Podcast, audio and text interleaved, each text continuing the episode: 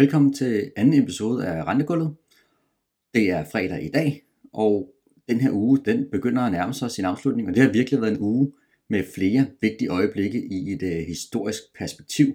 Først er det selvfølgelig 75 på renteforhøjelse, både fra ECB og Nationalbanken, som så markerer slutningen på den her periode med negative renter.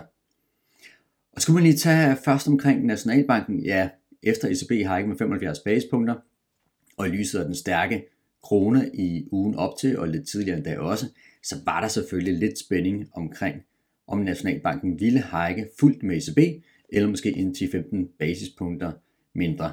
Men altså som, øh, som forventet, så kom der faktisk et, øh, et fuldt hike man kan sige, omkring øh, Nationalbanken.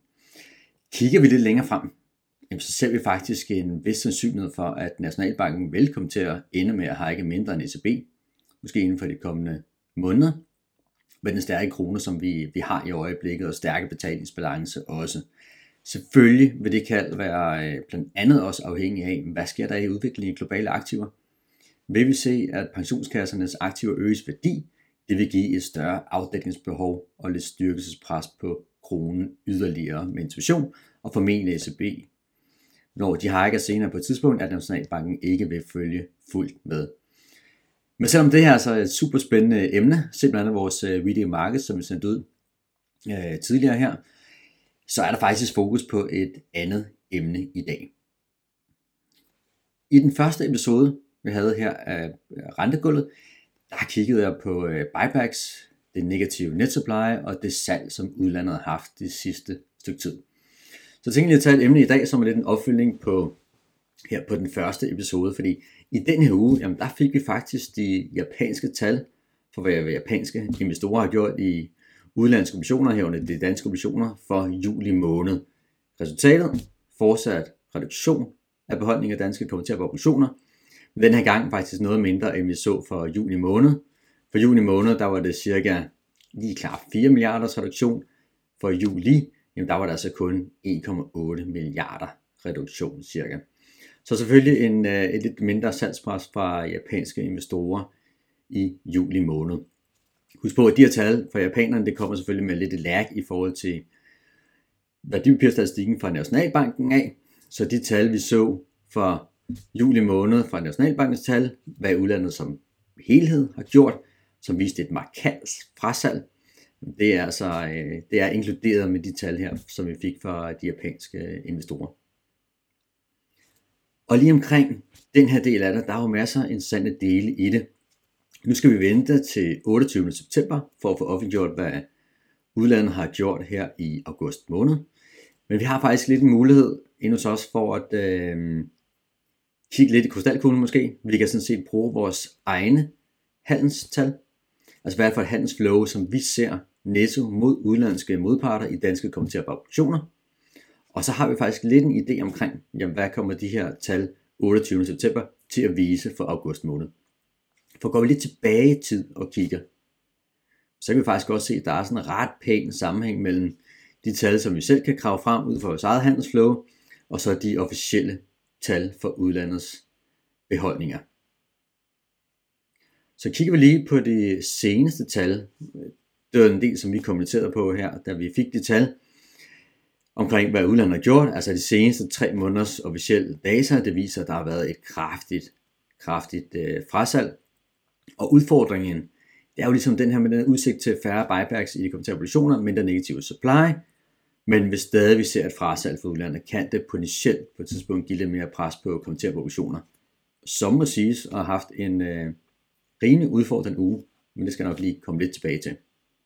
Så ser vi det her kraftige fald for udlandet, som vi har set i de officielle tal fortsætte, jamen så skal de nok sælge skaleret op til et år 130 milliarder, mens vi kun forventer 110 milliarder i reduktion af mængden af kommenterbare i år. Semi meget balance, men udfordringen kommer til at være næste år, for vi ved, at de her buybacks, med mindre altså renterne skal markant højere op, jamen så skal de her buybacks stille og roligt falde tilbage. Og for næste år, jamen så kan det være, at reduktionen af mængden kommer til at være måske kun er halvt så stor som udlandets salgspres, hvis det altså fortsætter. Så derfor er de her tal altså super spændende.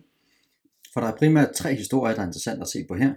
Et, hvad sker der overordnet set i forhold til nettoændringer mod udenlandske modparter, hvad sker der mod japanske modparter, og hvad sker der mod europæiske, primært tyske modparter. Starter vi lige overordnet set, men så for august måned, og faktisk også de første dage i september, som vores data her derfor for, så er der altså stadigvæk en reduktion af mængden af kommenterbare obligationer, som bliver holdt på udlandske hænder. Men altså, sammenlignet med juli-reduktionen, så er reduktionen faktisk kun cirka halv størrelse for august måned. Det vil sige, når vi nu får tallene fra Nationalbanken af 28. september, så kunne man måske godt forvente, at der stadig vil være en reduktion i, hvad udlandet ejer danske obligationer, men altså at reduktionen er formentlig noget mindre end det vi så for juli måned. Så stadig lidt en negativ faktor, der stadig er salg fra udlandets side af, men relativt positivt, kan vi sige, i forhold til de julital, som vi fik. Tager vi lige for de japanske modparter, jamen så har vi faktisk også set, at øh, deres frasalg, hastigheden deres frasalg, faktisk også har været faldet her fra august måned, i forhold til lige det seneste tal, vi fik den her uge for juli måned. Så også en, en svag positiv faktor deri, kan man sige. For de tyske investorer, der er det faktisk sådan set, at deres beholdning har ligget tæt på uændret her i august måned. Og det står altså i ret stærk kontrast til nok cirka 2-3% reduktion af deres beholdninger i kommenterbare i løbet af juli måned. Og der er lige en krølle omkring det her med, det, med de tyske, tyske investorer, tyske modparter i hvert fald. Jamen går vi lidt tilbage til oktober og november i 2021, der købte tyske modparter sig massivt op i kommenterbare. Faktisk en periode, hvor japanerne de stadigvæk reducerede deres beholdninger. Og under den her periode, oktober-november, jamen der drev de sådan set samlet set udlandets ejerdele en, øh, en pæn del op. Og kigger vi på øh, her de tyske modparters reduktion siden da, og her på det sidste i hvert fald også, så tyder det os på en stor del af den her ekstra eksponering, som blev bygget op i oktober, november 21, faktisk er blevet, øh, er blevet reduceret. Ikke det fulde del overhovedet, men, men noget over halvdelen er blevet øh, reduceret. Så jeg synes altså, der er en del interessante pointer omkring udlandets øh, ageren, når vi kigger på, hvad der skete her i august og start af september, og som formentlig også bliver afspejlet i Nationalbankens data her senere på måneden. Udenrigsgælden, det kommer jo til at spille en stor rolle for prisningen af specielt lavkupon kommenterbare obligationer. Sidder du lige savner at kunne se en graf over noget af det her, jamen så øh, skal nok lige love, at alle de her ting de kommer i en analyse snarest.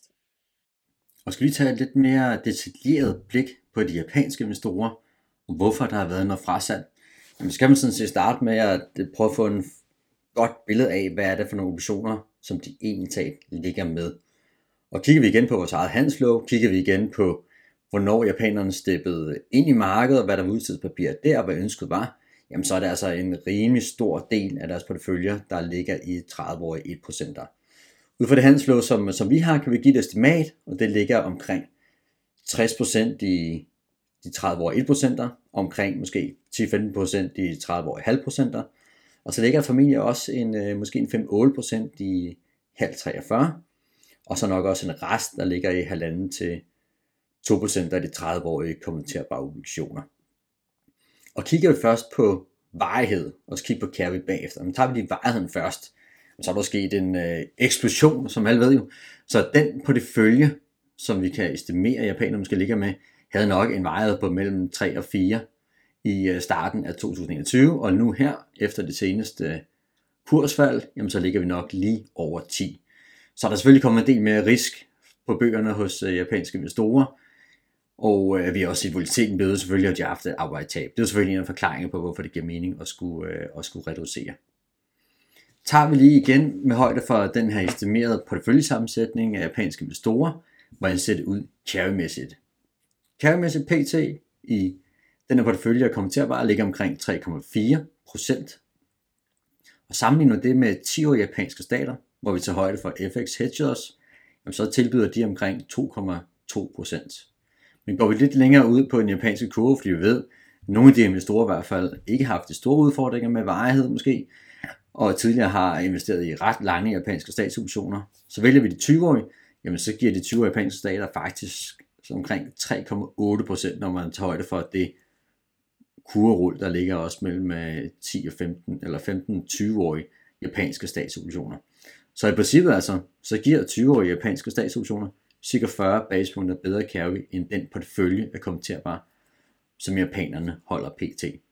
Så der er altså også nogle argumenter for, hvorfor øh, vi fortsat også kunne se, at panerne stille og roligt for reduceret deres beholdninger i lavkupon obligationerne i hvert fald.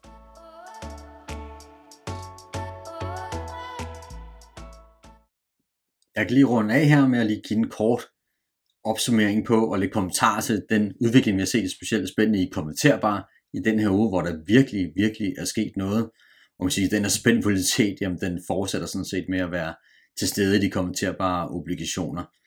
Så tager vi lige ugen her, siden i fredags, jamen så har vi set 20 basepunkter højere spænd i lavkuponerne og også i de høje kuponer.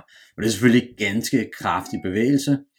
Og hvis vi bare lige kigger på den bevægelse, vi så i går, hvor spændene kørte markant ud, jamen så for vores model var det indikeret, af US-udvidelser alene 3% eller 5%'erne, så var det cirka 20 basepunkter deri også. Så højkupongerne fik altså også lige en øh, lille tur i øh, går, må man sige. Vi havde faktisk lidt en forventning til, at vi godt kunne se et udvidelse af US-spændene i kommenterede populationer her i den her uge. Det nævnte vi lige i fredags også. Jeg synes lige, det har klaret sig lidt for godt i forhold til globale aktiver, så der var altså en risiko for lidt reprisning. Jeg synes altså, det har været en ret stor reprisning, så større end øh, forventet bestemt, må man sige. Og den reprisen, den har også været drevet af, at der har, har været salgsinteresse fra danske long-only investorer også. Så bare i dag, jamen, så ligger kommer til at bare stort set uændret mod øh, swapperne.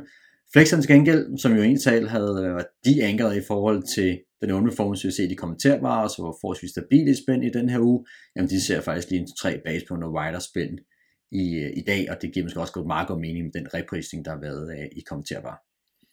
Så underset, når man lige taler de kommenterbare, synes jeg egentlig, at højkuponger nu, 3-4-5% segmentet spændmæssigt, ligger ret tæt på et færre niveau efter den her seneste reprisning. Det var afslutningen på anden episode. Tak fordi du lytter med, og god weekend.